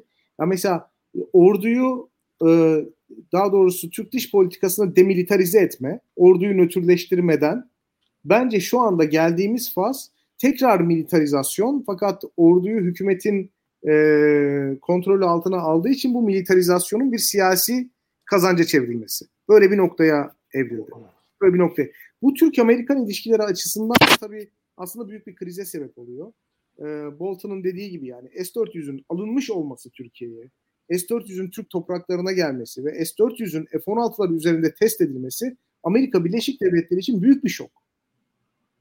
1923'ten beri para harcadınız. 1952'sinden 52'den bu yana ordusuna yatırım yaptığınız, devamlı güvendiğiniz kurumları kurumları olan, kurumsal kapasitesini geliştirdiğiniz, ekonomisi dara düştüğü zaman kredi muslukları açtığınız. Yani aslında 1923 Türkiye'sini alıyorlar, 2020 Türkiye'sine bakıyorlar. Bu gelişimde Amerikalılar kendilerinin ciddi payı olduğunu düşünüyor ve böyle bir bu kadar yatırım yapılmış bir ülkeye, böyle bir ülkeye S-400'ler yani Rus yapımı e, hava savunma sistemleri geliyor ve Rus yapımı hava savunma sistemleri almanın verdiği açık mesajda ben Avrupa'dan ve Amerika Birleşik Devletleri'nden bir saldırı bekliyorum. Bu gerçekten büyük bir şok. Bununla ilgili hep bir şeyiniz vardır hocam hani e, S-400 almak aslında hangi hedefe yani bir hava savunma sistemi almak demek kimden bir tehdit algınız olduğunu gösteren bir şeydir diyor. S-400'ü Rusya'ya karşı kullanamazsınız. Tabii. Dediğiniz gibi sadece. Doğru, doğru. Ee, üstelik hani Türkiye'nin karar alıcıları mesela F-35 meselesi hani bence çok yerinde atılmış bir adım. Ee, Türkiye'nin baktığınız zaman güvenlik endişelerine baktığınızda savunmadan ziyade daha aktif e, ve e, silahlı grupları takip etme üzerine kurulu bir güvenlik konsepti var. Yani S-400 almanın askeri açıdan çok fazla mantıklı olduğu kanaatinde değilim ama Türk-Amerikan ilişkileri açısından söylüyorum. Bunu mesela önleyecek bir aktör bulamadılar Türkiye'de. E biz yani, de hocam bunu konu bulamadılar Burak'cığım. Yani düşünün Türk Amerika Birleşik Devletleri bu kadar e, insana burs verdi.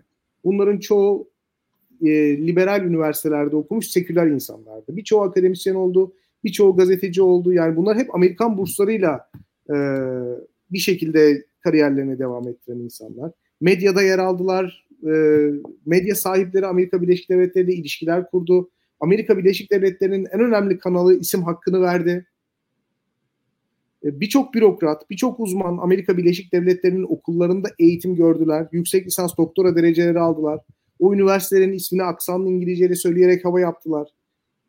Günün sonunda S-400 alınmasına bir kuruş Amerikan bursu kursağından geçmemiş takdir 1980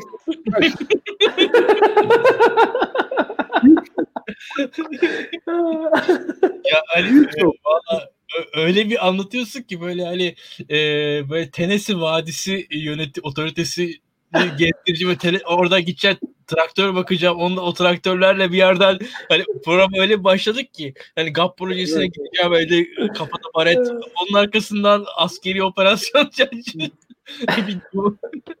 Ama yani hakikaten çok dramatik değil mi yani, yani bu kadar yapılan evet. yatırımın e, hiçbir kurum üretememesi. Ha yani, bu şöyle ya ben e, açık konuşayım. Hatta ben daha ağır konuşayım. E, bence ben birazcık daha hatta tartışmalı bir alandan konuşayım. Yani Amerika çok doğru işler yapmış olsa bu kadar yatırımı cemaate yapmazdı zaten yani hani ilk başta.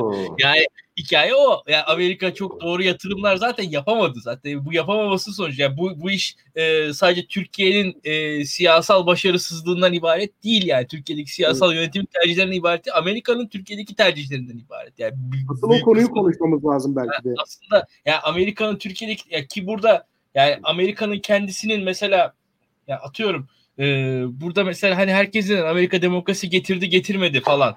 Bu çok enteresan bir konudur. Mesela hani Amerika Irak'a demokrasi getirememiştir ama Almanya'ya getirmiştir. Veyahut da Kore'ye getirmiştir bir şekilde. Japonya'ya getirmiştir. İtalya'ya getirmiştir.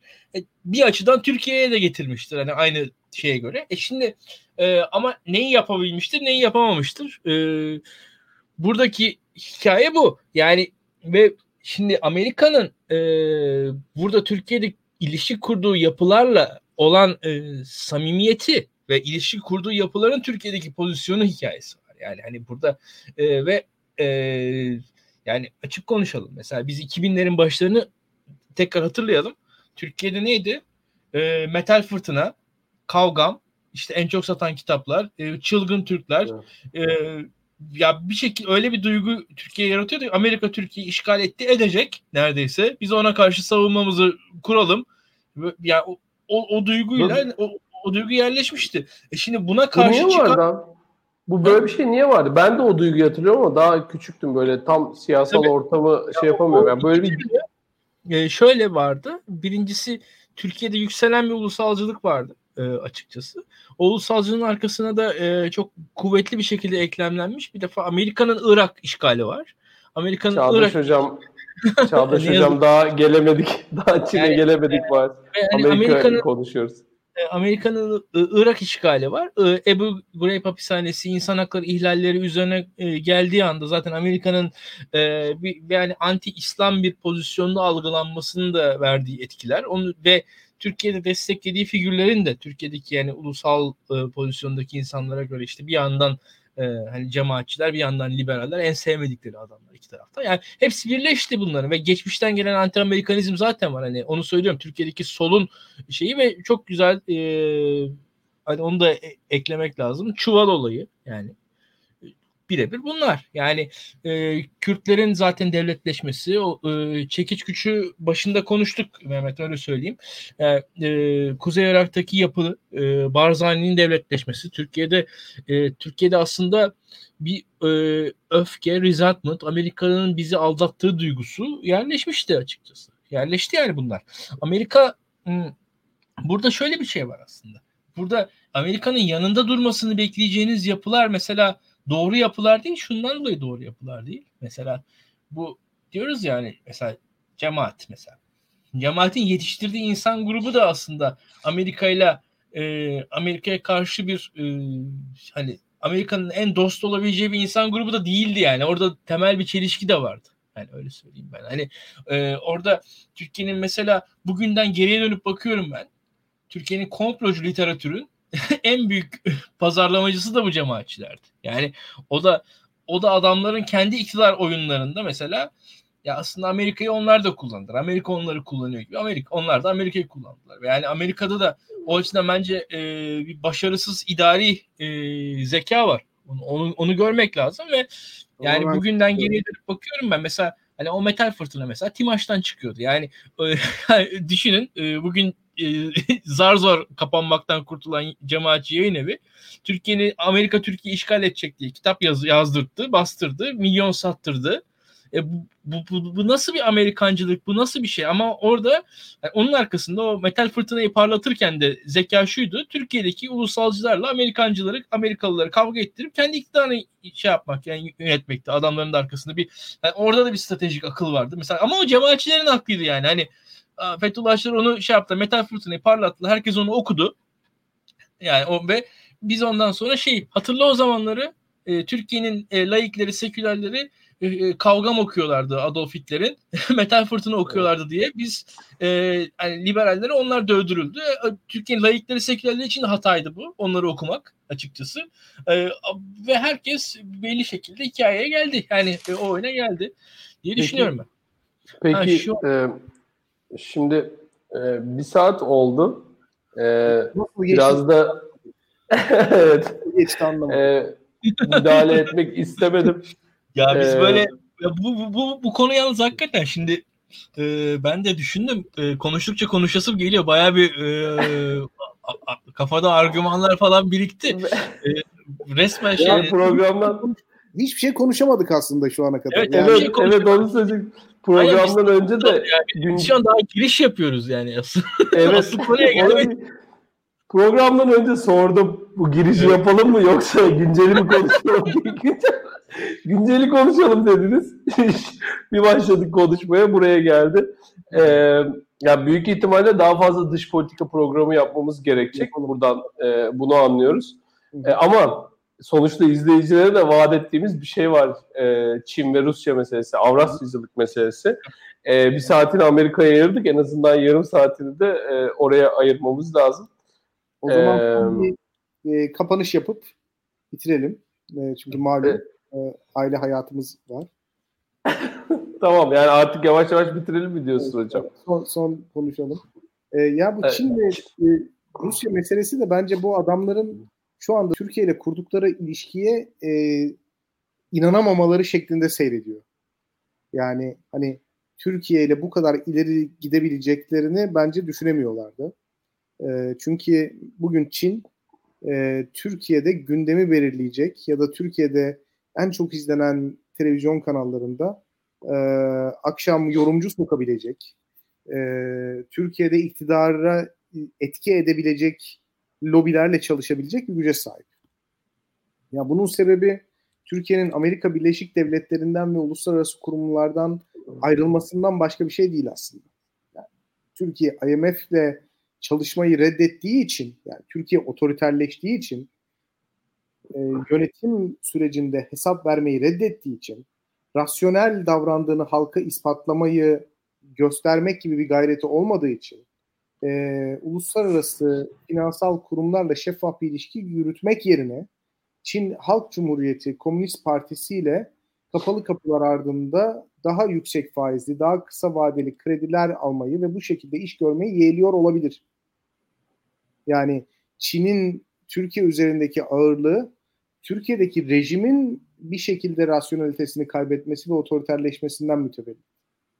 Yine mesela Rusya Afrin konusuna Türkiye'nin niçin aniden kafayı taktığını muhtemelen anlayamamıştır. Yani 3 ay önce 2018 Şubat'ından 3 ay önce Türkiye'de neredeyse hiç kimse Afrin'in nerede olduğunu bilmezdi. 3 ay içerisinde büyük bir güvenlikleştirme politikası uygulandı. Afrin e, ele geçirilmezse Türkiye bölünecek gibi bir psikoloji ortaya kondu ve Afrin operasyonu ki er, hemen arkasından erken seçim geldi hatırlayalım. E, yani Meral Hanım partiyi kurdu. E, hatırlıyoruz. Meral Hanım partiyi kurdu. E, ilk anketler %20-25 gibi bir noktada gösterdi. Daha sonra o popülariteyi kırmak için birdenbire Suriye'de böyle bir aktif olma ihtiyacı ortaya çıktı.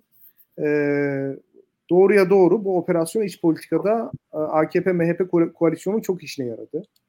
Fakat Afrin'e girmenin karşılığında Türkiye o süreçte Rusya ile girilen bu aslama sürecinin hani devamında S-400 almayı, S-400'ün parasını peşin ödemeyi ve bunun karşısında İdlib'deki cihatçıları e, kaç Eylül'de o? E, Eylül 2018 8 ya da 9 Eylül olması lazım. E, Çavuşoğlu ile Lavrov anlaşması, Soçi anlaşması. Bunun karşılığında İdlib'deki cihatçıları kontrol etmeyi ve herhangi bir çatışma durumunda Rusya ile birlikte hareket etmeyi kabul etti. Ya bunlar çok ağır taahhütler. Çok ağır taahhütler. Hani buradaki mesele e, bana sorarsanız hani Afrin'in ötesinde bir mesele. Afrin'in jeopolitik öneminden daha önemli bir mesele. Şimdi ilginç olan o gün Afrin'e mutlaka müdahale edilmesini savunan insanlar IŞİD Rojava'ya geldiği zaman o bölgenin hiçbir jeopolitik önemi olmadığını iddia ediyor. Türk ordusunun zinhal gidip orada yaşayan Kürtleri kurtarmaması gerektiğini söylüyorlar. Türkiye mesela IŞİD'den Kürtleri kurtarmadığı için Kürtler ile Amerikalılar arasında bugün gördüğümüz, bugünkü noktasına evrilen ilişkiler yaşandı. Ve Türkiye yine aynı analistler Afrin'e müdahaleyi gerekli gördüğü için Afrin'e müdahale ettiği için Türk-Rus ilişkileri bu noktaya evrildi. İlkan başta dedi ya İdlib'deki pozisyon Amerika'yı rahatsız etmiyor. İdlib'deki pozisyon Türkiye'nin söz verdiği pozisyon değil çünkü. Yani Türkiye'nin İdlib'de şu andaki pozisyonu Rusya'ya söz verdiği pozisyon değil. Altına imzasını koyduğu pozisyon değil. Türkiye'nin altına imzasını koyduğu pozisyon çok anti-Amerikancı bir pozisyon. Eğer cihatçılarla Ruslar arasında bir çatışma çıkarsa Türkiye bu huzuru bozan, bu çatışmaya sebep olan gruplara karşı Rusya ile birlikte mücadele edecek. Bunu yapmak istemiyor. Yani mesele o. Bunu yapmak istemiyor. Bu pro-Amerikan bir pozisyon anlıyorum. Ben bunu e, sevgili Aydın Sezer söylemişti. Ondan e, atıf yaparak söylemek istiyorum. E, Türk-Rus ilişkileri açısından. E, Aydın Bey diyor ki e, Rusya için ana mesele Türkiye'nin kendisidir. Afrin olsun, İdlib olsun, Libya olsun bunlar Türkiye'nin kendisiyle ilişki kurabilmek için Rusya'nın kullandığı meselelerdir. Öte taraftan mevcut hükümet için Türkiye diyelim hadi. Türkiye için asıl mesele kendisi değil. Afrin, İdlib veya Libya. Buralara karşı daha fazla hakim olabilmek için ya da buralara karşı daha etkin politika yapabilmek için kendisinden vazgeçmeye hazır. Ya bu çok önemli bir ayrım. O yüzden hani Libya'yı, Suriye aktivizmini vatanseverlik olarak pazarlayanlara karşı çok uyanık olmalıyız. Çünkü buralardaki aktivizmin maliyeti Türkiye'nin anavatanının, sınırlarının, ulus devletinin, uluslararası hukuk tarafından benimsenmiş egemenlik sahasının ve egemenlik haklarının Rusya'ya asimetrik bir şekilde çok iras çok rasyonel olmayan bir şekilde, irasyonel bir şekilde peşkeş çekilmesi olabilir. Yani Libya'da havaalanı aldık diye sevinirken Rusya'ya çok önemli bir konuda büyük bir taviz vermiş olabilirsiniz. Onu net bir şekilde söyleyeyim. Ee, ben de böyle 1930'lu yılların, 40'lı yılların Rus karşıtı e, gibi konuştum. İçinde yoksa Moskova karşı bir kim bırak Türk olmayı değilsin. evet, böyle böyle, ee, İlkan senin söylemek istediğin bir şey var mı? Ya benim Çin, e... gerçi burada da Rusya şey yaptık. Çin'e giremedik yine. Galiba bu meseleyi Çin'e girmeden kapatacağız bu akşam. Ya bu akşam yani Çin'e de Çin'e dair fikirlerimiz var tabii. Ama Çin'e evet. girmeden önce şöyle söyleyeyim ben Türkiye'nin e, aslında Türk Silahlı Kuvvetleri'nin Rusya e, ile ilişki kurma çabası vardı hep ve Türkiye'nin de stratejik olarak aslında e, Rusya'nın e, Osmanlı karşısındaki ezici gücü fark edildikten sonra adım adım ya bu güçle bir anlaşalım fikriyatı ilk başta. Arkasından bir orta yol bulma çabaları hep oldu. Osmanlı'dan beri aslında hani 1800'lerden itibaren yani Rusya'nın artık o Osmanlı'ya karşı bir as- asimetrik bir şekilde güçlü olduğu anlaşıldıktan sonra, kabullenildikten sonra diyelim Rusya ile farklı bir ilişki bulma çabası Osmanlı'da da vardı. E, bu e, Cumhuriyet döneminde ilk başta Kurtuluş Savaşı sürecinde zaten e, ilk e, Sovyetler Birliği yapılan ittifakla beraber kendini gösterdi. Soğuk Savaş sırasında da her ne kadar Soğuk Savaş paradigması olsa da Türkiye aslında iki taraftan da e, destek alan, e, Sovyetler Birliği'nden ciddi destek alabilen bir Batı bloğu ülkesi oldu. Yani Türkiye ile e, Sovyetler Birliği arasında hep bir ilişki oldu. E, ve bu şöyle söyleyeyim ben yani bu ilişkileri kuranlar da e, Türkiye'nin böyle namlı solcuları falan değil aksine Süleyman Demirel gibi hatta Turgut Özal gibi kişilerdi. Yani Türkiye'nin bugün Sovyetler Birliği ile e, yani Türkiye'nin şu an doğal gaz meselesini başlatan kişi Turgut Özal'dır. Türkiye'nin ağır sanayisine Rusları sokan kişi neredeyse yani tabii daha önce de var Ruslar her zaman da en büyük şekilde Rusları sokan kişi diyelim. E, daha doğrusu işte Seydişehir Alüminyum, İskenderun Demir Çelik gibi e, Süleyman Demirel'dir. E, bunlar tesadüf değil. E, Türkiye her zaman e, bir ilişki kurar ve hatta ya şöyle söyleyeyim bugün mesela hani Haydar Aliye ile Süleyman Demirel arasında bir yakınlık sonradan kuruldu. Bu tesadüf değil. Bunlar birbirlerinin dilinden anlayan insanlar. Yani öyle öyle söyleyeyim. Yani aynı e, jargonla konuşan insanlar bunlar. Şimdi bu bu tarz e, bu yaklaşım tabii yani Nedimov aynen Nedim Paşa e, bildiğimiz figürler bunlar Osmanlı tarihinde. E, bu figürler hep vardı Türkiye'de. Şu an yaşanan süreç e, birazcık daha enteresan aslında. Bizde bizdeki Batı karşıtlığının geldiği nokta e, bence Ruslar açısından algılanabilir bir nokta değil. Yani ona, ona katılıyorum. Yani ben Rusları çok iyi bildiğimi düşünmüyorum ama görebildiğim kadarıyla yani Türkiye'nin aldığı pozisyonları Rusları izliyorlar. Ee, Ruslar açısından bir kırılma noktası belki şeydi. Bu Gürcistan meselesinde Türkiye'nin Montreux'u uygulamasıydı. Ondan sonra e, Rusya hakikaten Türkiye'yi ciddiye almaya başladı belli ölçülerde. Yani daha farklı bakmaya başladı. Arkasından da e, Türkiye'nin yaptığı anlaşmalara, verdiği sözlere her zaman bir çekinceyle e, bir adım geride durar Rusya hep baktı. Hala öyle. Hala öyle ama e, Türkiye'nin nereye kadar gidebileceğini öngörmeye çalışıyor Rusya. E, ve burada şöyle bir durum var. Türkiye ile Rusya arasında çelişkiler e, devam edecek var olmaya. Çünkü bakarsak e, bugün işte Bosna, Kırım, e, Ermenistan e, böyle arka arkaya sayıldığı zaman Suriye, Türkiye ile Rusya arasında çelişkilerin olduğu yerler çok fazla. Kıbrıs, e, Libya. E, tabii Libya. Ya bu bu arazilerin hepsinde Türkiye ile Rusya arasında e, yani hep deniyor ya medeniyet falan filan. Yani, yani o paradigma farklılığı var. Yani Türkiye ile Rusya'nın e, Bosna ya bakışı e, ister istemez birbirinden farklı. Kırım'a bakışı ister istemez birbirinden farklı. Ermenistan, Azerbaycan, Karabağ meselesine bakışları ister istemez birbirinden farklı. Yani bugün Türkiye her ne kadar Gürcistan konusunda Rusya ile yani Amerika'nın yanında bir pozisyon olarak bir karşı karşıya gelmese de yani e, bugün bakarsak Rusya'nın Gürcistan'a yaptığı müdahalede Rusya'nın ilk yaptığı şey Türkiye'nin Gürcistan'da yaptırdığı havalimanını bombalamaktı. Yani baktığın zaman yani ilk yaptığı şey Türkiye'nin Gürcistan'daki yatırımlarını bitirmekti Rusya'na. Yani o, o operasyonda ve yani o orada Rus Rusya açısından her zaman bir e, güvensizlik olacaktır diye tahmin ediyorum. E, ama tabii Rusya açısından Türkiye'yi batıdan olabildiğince uzakta konumlatmak e, çok daha önemli. Çünkü yani neticede şu var yani Rusya'nın da coğrafi açıdan en zaaf yaşayacağı yani yer e, Çin hariç Türkiye'dir. Yani sonuçta batıdan gelen bir işgalci ülkeye karşı her zaman direnmiş bir ülke ama doğudan güneyden gelen işgalcilere karşı zaafı olan bir ülke. Hani jeopolitik deniyor her zaman onu, onu söyleyelim ya Rusya açısından. Ee, öyledir yani Rusya'nın tarihi böyle yani ya, ya güneyden ya doğudan işgal edilmiş aslında. Ee, bu açılardan da Rusya her zaman bir mesafe koyacak. Türkiye bağlamında bakarsak da Türkiye'de Türkiye'de bu anti Amerikanizme oturuyor bu. Ve bana ilginç gelen şöyle bir durum var. Türkiye'de e, yani başkalarına karşı çok rahat kökü dışarıdalık atfedilebilirken mesela Rusya ile ilişkileri iyi olmasını savunan birine o kökü dışarıdalık atfedilmiyor. Bir yerlilik atfediliyor. Yani bu, bu, bu böyle bir rahatlıkları var. Bu rahatlığı kullanıyorlar. Kullanabildikleri kadar kullanıyorlar.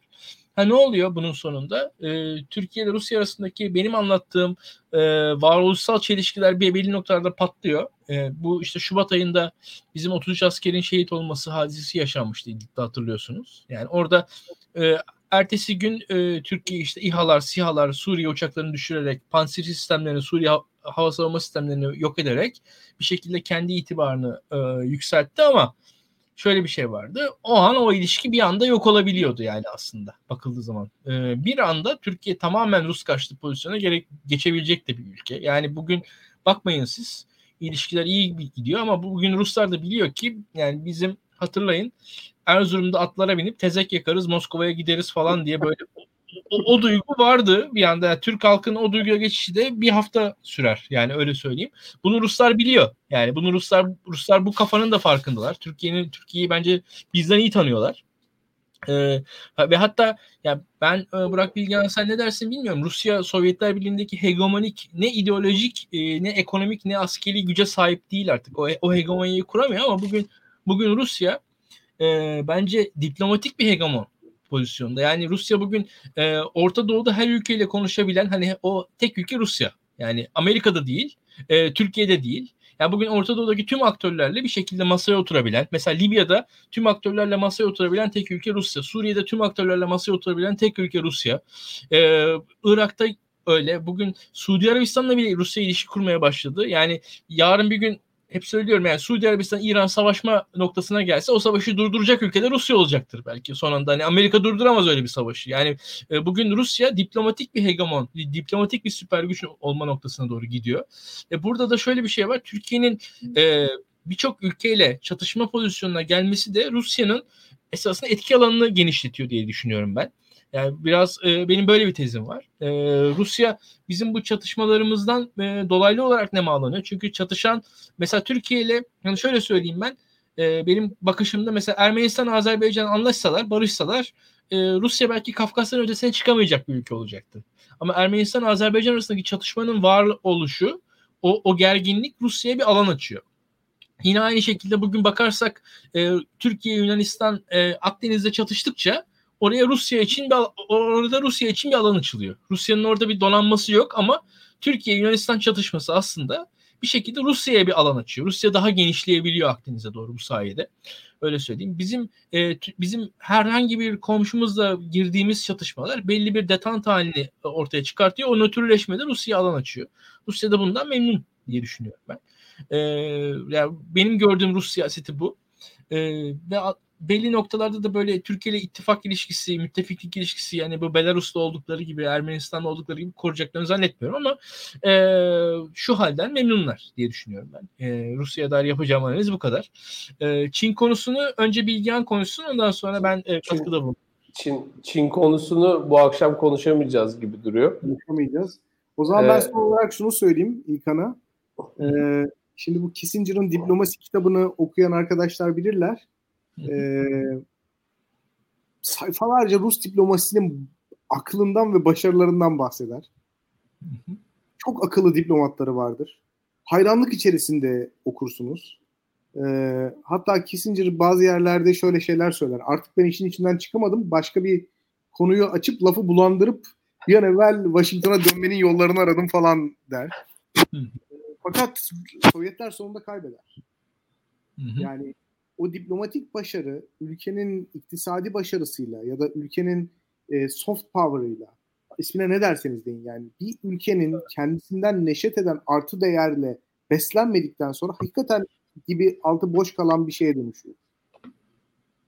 Yani sadece diplomatik başarıyla bir ülkeyi yaşatabiliyorsunuz. Diplomatik, diplomatik başarılarınızla önemli diplomasi e, destanları yazabiliyorsunuz. Fakat bunun e, gerçekten etkili olabilmesi için, dayanıklı olabilmesi için bunun altının doldurulmuş olması gerekiyor.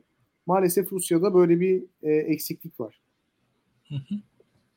Biz mesela ee, bugün insanların ne zaman sokağa çıkacağını, işte e, Rus sistemi içerisindeki kliklerin ne zaman birbirleriyle kaçacağını, e, Rusya'daki sistemin neresinden çatırdayacağını bilemiyoruz. Çünkü krizden azadeymiş gibi gözüken, her türlü kaosu yenmeyi başarmış gibi gözüken, kendisini dünyaya böyle takdim eden bir sistem var. Ama böyle bir şey yok. Siyasetin doğasına aykırı bu. Tabii.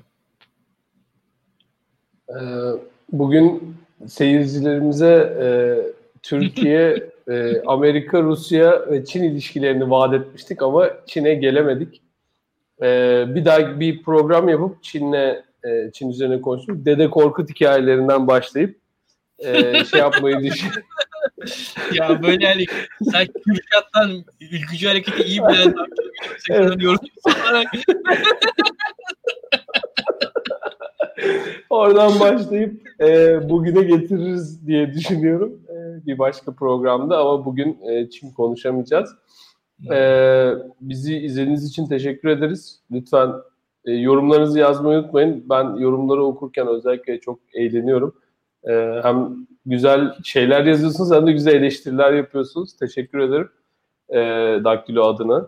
Evet bizim daha fazla insana ulaşmamız için ne yapmanız gerektiğini biliyorsunuz. Daha fazla paylaşırsınız bizim programlarımızı. E, artık herhalde aranızda abone olmayan yoktur diye düşünüyorum. Ama eğer varsa o da abone olur umarım. E, hocalarım sizlere de teşekkür ediyorum. Yine güzel bir sohbet oldu. E, bir başka programda Çin konuşmak üzere. Herkes kendine iyi baksın diyorum. Görüşmek üzere. Hoşçakalın. Hoşçakalın. Biz böyle